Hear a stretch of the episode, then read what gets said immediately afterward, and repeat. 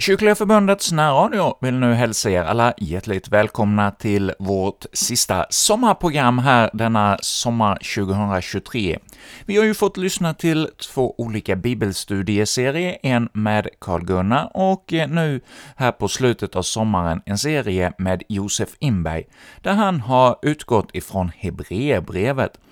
Och vi ska då idag få av, höra det femte och avslutande programmet i den här serien, där Josef avslutar sin genomgång av Hebreerbrevets andra kapitel. Och som inramning på andakten så får vi sjunga med i salmen 35 i psalmboken.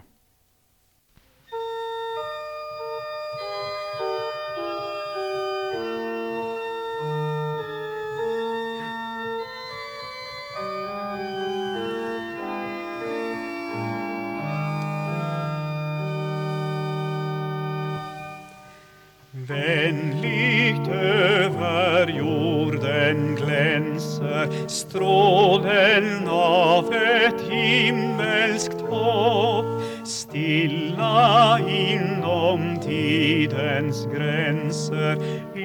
Evighetens sol går upp. Ack så stilla att mitt öga hennes sken fördraga må och Guds dolda råd förstå.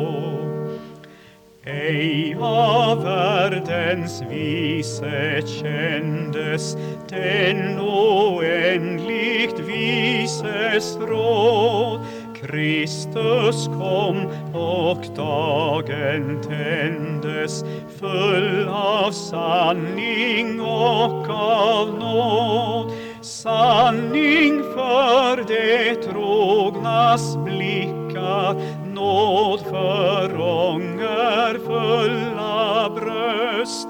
Så fick jorden ljus och tröst. Låt oss bedja. Herre Gud, himmelske Fader, du som har utgivit din son till ett offer som evigt gäller. Vi ber dig rena våra hjärtan med Kristi heliga blod, så att vi, fasta i tron på våra synders förlåtelse, kan tjäna dig, den levande Guden. Styrk vårt hopp och låt till sist på oss uppfyllas vår frälsares löfte, att den som tror på honom skall leva om han än dör. Amen. När vi förra gången avslutade vårt studium av Hebreerbrevet befann vi oss vid det andra kapitlet, verserna 12 och 13. Det handlade där om att Jesus Kristus är den som helgar, att han inte blygs för att kalla oss bröder och systrar och att allt detta sker mitt i församlingen. Allt hans verk går ut på att en dag få ställa oss fram inför den himmelska tronen och då kunna säga Se, här är jag och barnen som du har givit mig. Så långt kom vi alltså förra gången. Vi fortsätter nu läsningen i andra kapitlet och där läser vi verserna 14 till och med 15. Då nu barnen hade blivit delaktiga av kött och blod blev och han på ett liknande sätt delaktig därav för att han genom sin död skulle göra dens makt om intet som hade döden i sitt våld, det är djävulen, och göra alla dem fria som av fruktan för döden hela sitt liv igenom hade varit hemfallna till träldom. Herre, helga oss i sanningen, ditt ord är sanning. När vi läser ett par versar sådana som dessa i Bibeln kanske det till en början kan synas svåra att förstå. Det blir emellertid på ett helt annat sätt om man, som det ofta sades förr, låter skrift förklara skrift. Det betyder att man låter det ena stället förklara det andra.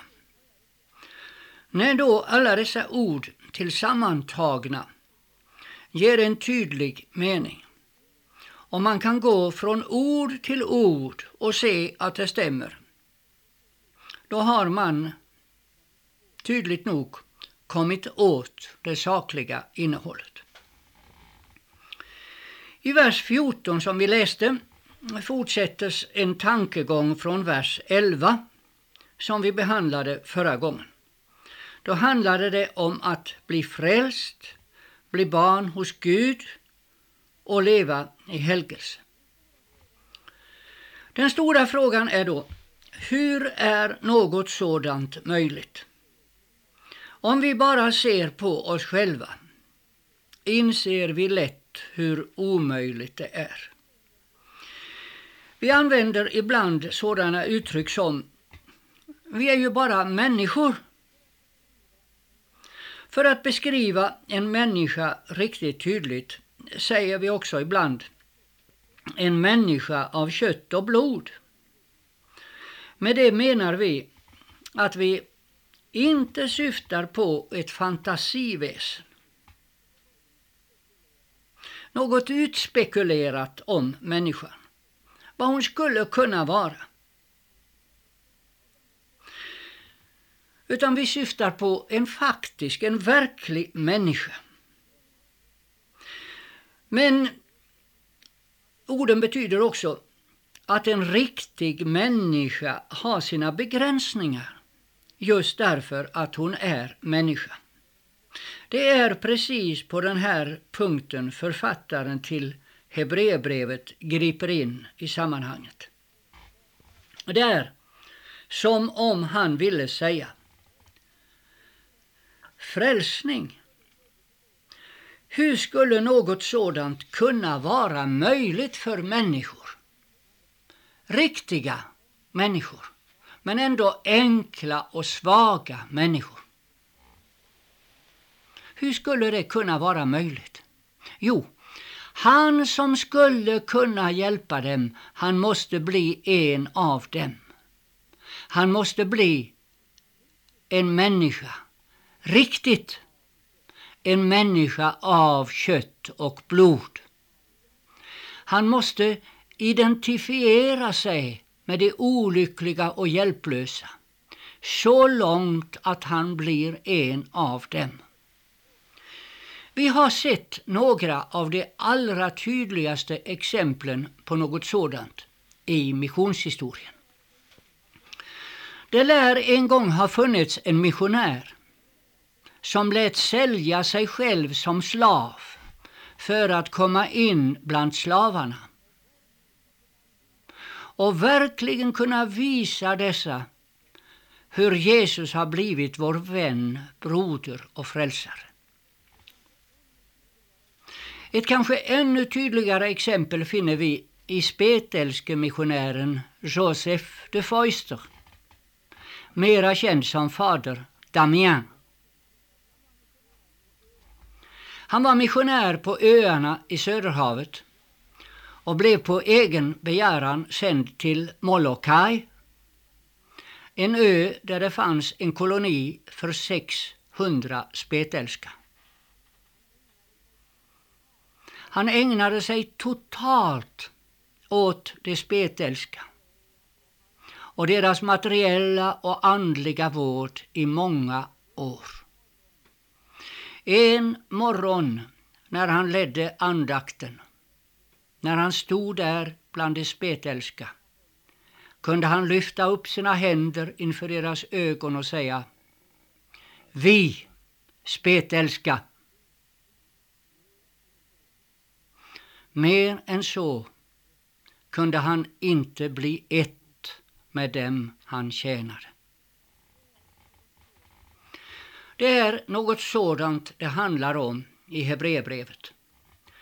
Då nu barnen hade blivit delaktiga av kött och blod blev också han på ett liknande sätt delaktig därav. Guds son blev alltså människa för att kunna hjälpa och frälsa oss människobarn. Han blev ett människobarn för att kunna hjälpa oss att bli Guds barn. Vi förstår bara lite grann av det, fast vi kan sjunga. Han kommer från eviga fröjder, han lämnar sin tron av kristall, sin ära i ljusets palatser och lägges på strå i ett stall. Så långt låter det ju mycket vackert och stämningsfullt. Men detta människoblivande kräver ut sitt offer. Han kommer till jorden att bringa ett offer på korsträdets stam, att dö för vårt syndiga släkte och föra rättfärdighet fram. Även detta har omgivits med stämningar och fromma tankar som inte har så mycket förbindelse med den faktiska verkligheten. Hebreerbrevets författare behandlar just verkligheten. Genom sin död skulle Jesus göra dens makt om intet som hade döden i sitt våld, det är djävulen. Här rullas hela dramat upp, från avfallet i himmelen, då en hög ängel gjorde uppror, till frestelsen och fallet i Edens lustgård, frestelsen av Jesus i öknen, frestelsen i Getsemane örtagård. Och därtill Jesu ord hela vägen, det är skrivet och gå bort Satan. Ända fram till det sista stora offret som kröntes med orden det är fullbordat. I de korta orden här i den fjortonde versen finns så många anknytningar till andra ställen i Guds ord att vi kan ta fram bara några. Enligt Johannesevangeliet uttalade Jesus de orden. Nu går en dom över denna världen. Nu ska denna världens furste utkastas. Jesus har själv beskrivit det så. Ingen kan gå in i en stark mans hus och plundra honom på hans bohag, så framt han inte först har bundit den starke. Först därefter kan han plundra hans hus. Det är alltså djävulen som är den starke och tycker att han sitter där trygg i sitt hus. Men den som är ännu starkare bryter sig in och plundrar boet på de själar som djävulen har rövat till sig. Och så blir den så kallade starke utkastad. Resultatet av detta är beskrivet på många sätt. Men också på det sättet som förekommer på flera ställen i skriften. Men första gången finns hos profeten Jesaja. Han skall för alltid göra döden om intet. Och Herren, Herren skall avtorka tårarna från alla ansikten och skall taga bort sitt folks smälek överallt på jorden, ty så har Herren talat. I vers 15 sker en fortsatt utläggning på det sättet att det inte talas om segern över döden utan segern över träldomen. Det är en annan sida av samma sak. Frälsaren befriar från alla fördärvsmakter. Det är därför vi har så många olika namn på vår frälsare. Befriare, förlossare, försonare, rättfärdiggörare, Herre, saliggörare. Om vi då vill visa på en bestämd sida av Frälsningsverket använder vi också det motsvarande namnet på Frälsaren. Men de olika sidorna av Frälsningsverket hör nära ihop. Författaren säger i vers 15 att träldomen kommer av fruktan för döden. Ordet visar att Jesus Kristus är en hjälpare och frälsare över hela linjen mot synd, död träldom, fruktan och allt annat som kan skrämma, binda och förstöra. Nu går vi vidare och läser vad som återstår av det andra kapitlet. Alltså andra kapitlet och där läser vi verserna 16 till och med 18. Ty det är icke änglar som han tagit sig an, det är Abrahams säd som han tagit sig an. Därför måste han i allt bliva lik sina bröder, för att han skulle bliva barmhärtig och en trogen överstepräst i sin tjänst inför Gud, till att försona folkets synder. Ty därigenom att han har lidit i det han själv blev frestad, kan han hjälpa dem som frestas.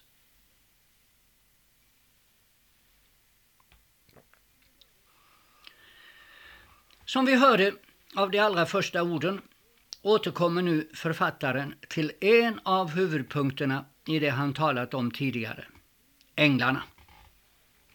Hur höga och härliga de än var, gällde inte Jesu människoblivande dem, ännu mindre de fallna änglarna. Han tar sig an Abrahams säd. Det betyder inte bara judar, utan alla människor, dem som han vill leda till Abrahams tro. Ärendet för Guds evige son, som lämnade sin härlighets himmel för att bli människa. Det var att träda in bland oss, vilsegångna och förlorade människor, för att försona oss med Gud och föra oss hem till Gud. Därför måste han i allt bli lik sina bröder. Om vi skulle ha ordnat för frälsningen av alla människor, då hade vi nog gått tillväga på ett annat sätt. Vi hade nog satsat på Rom och Babel, på furstehoven och kejsarna, på dignitärerna och den tidens massmedia. Sedan hade nog alla stackars syndare sagt, det där, det där är inte för oss. Låt det förnäma och rika ha sitt för sig. Vi står i alla fall utanför. Nu blev det inte så. Gud vare evigt tack och pris därför. Nej, till ende sonen sade han, jag måste mig förbarma. Far ner uti det syndaland och lös de fångar arma av deras synd och stora nöd. Fräls dem ifrån en evig död och låt dem med dig leva. Men att bli lik sina bröder, det är ingen liten sak. Det är inte som när en minister i regeringen vill visa sig folklig och sätter på sig blåställ och hjälm och åker ner bland jobbarna i en gruva.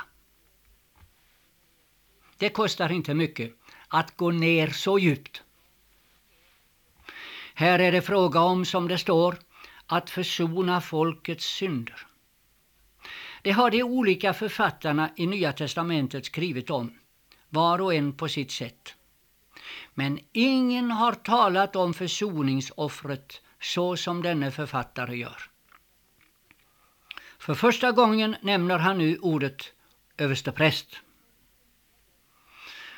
Översteprästen var den som skulle bära fram de viktigaste offren.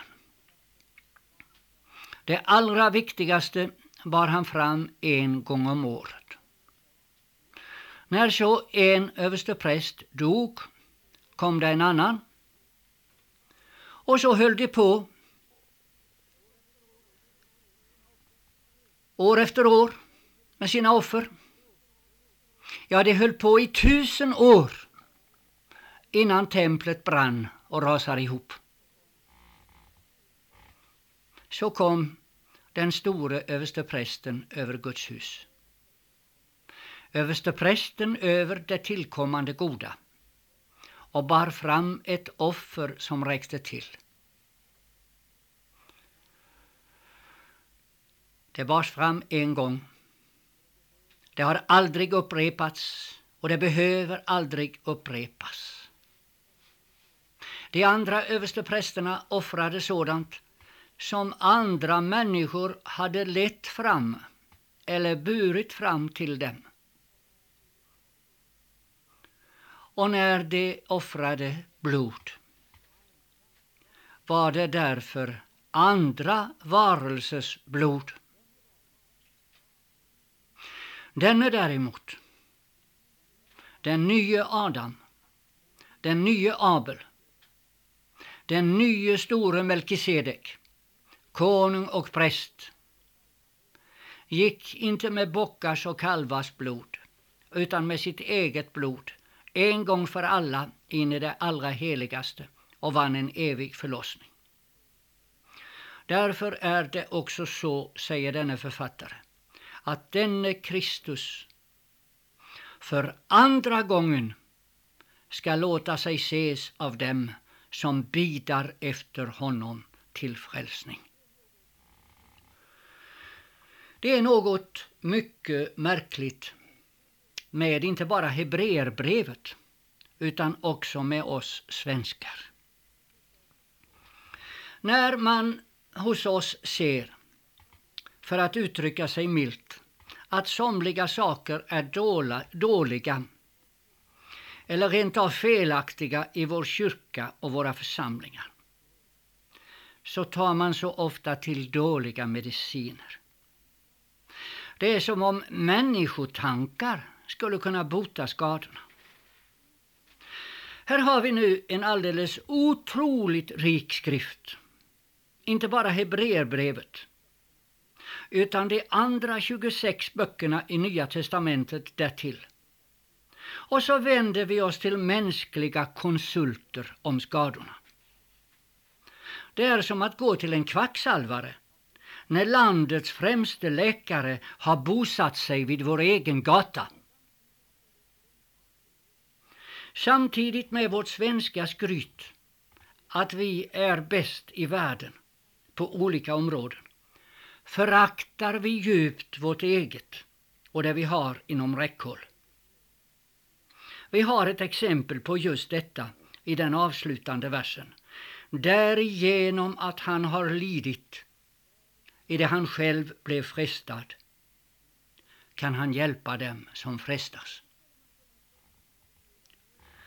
Hur skulle man kunna sätta sådana ord på vers så att det blev skön poesi? Ett fulltonigt evangelium på vers och ömsint själavård. Vi svenskar skulle väl gå över ån efter vatten och söka i utländska sånger och salmer. Orden finns inte där på något sätt som kommer i närheten av det vi har. Till Lutherlärjungen Filip Nikolais melodi har en svensk skrivit en utläggning av Hebreerbrevet som kanske aldrig överträffats på något språk. Hans psalm målar hela frälsningsdramat från födelseundret i Betlehem fram till det saligas lovsång i himmelen.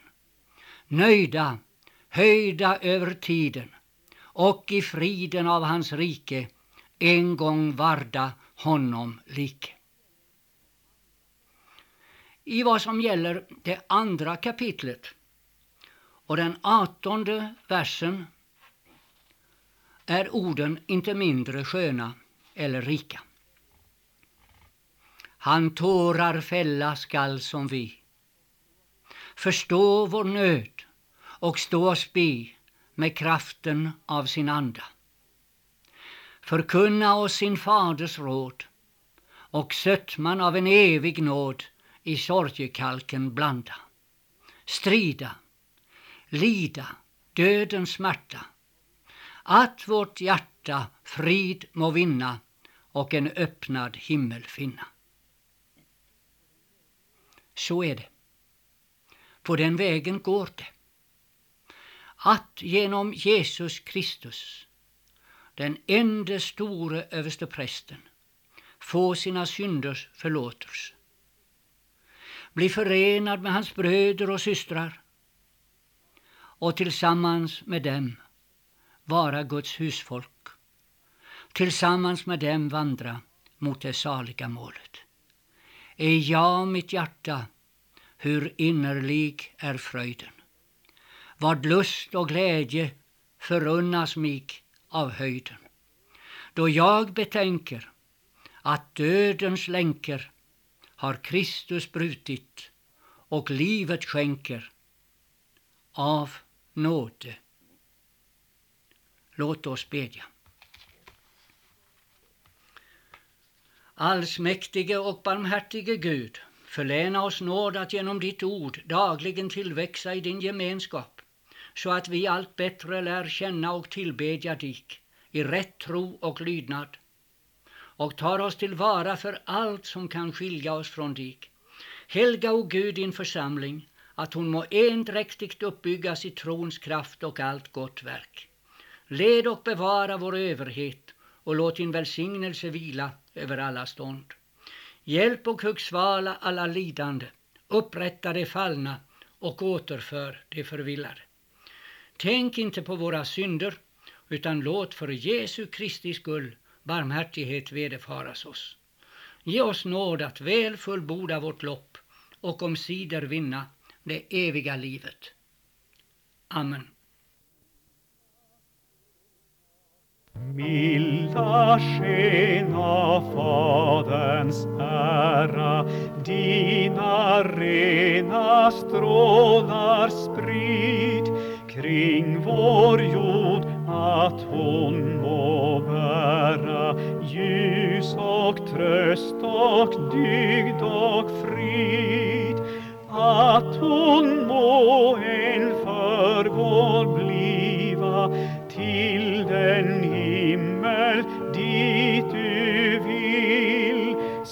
samla dem dig höra till. Ja, här i Kyrkliga Förbundets veckoandakt denna vecka, i vecka 33, så har vi fått lyssna till Josef Inberg. Ja, Josef han var på sin tid präst i eh, olika församlingar runt om i Småland, men under stor del av sin eh, prästtjänst var han i Afrika i olika länder som missionär. Ja, han hade ju en eh, stor pedagogisk kunskap att eh, undervisa i Bibeln och eh, höll många olika sådana här bibelstudieprogram, eh, serier i olika församlingar. Jag själv var i min ungdom med i en bibelstudiegrupp där vi fick eh, förmånen att höra Josefs genomgång av Saltaren bland annat. Och ja, här har vi ju nu då idag fått höra det femte programmet i den serie där Josef talade utifrån Hebreerbrevet. Och ja, han fortsatte sen med fler serier genom Hebreerbrevet, så om det blir som vi kanske hoppas nu, så blir det även nästa sommar en serie med Josef, där vi då får höra fortsättningen av Hebreerbrevets genomgång. Ja, med detta så säger vi från Kyrkliga Förbundet nu tack för denna gång och hälsar er alla välkomna om en vecka, då vi återigen kommer att få höra andakter inför den kommande söndagen. Ja, vi från Kyrkliga Förbundet och jag som heter Erik Olsson säger nu tack för denna gång och önskar er en god fortsättning på den här helgen och veckan som ligger framför oss. I Jesu namn. Amen.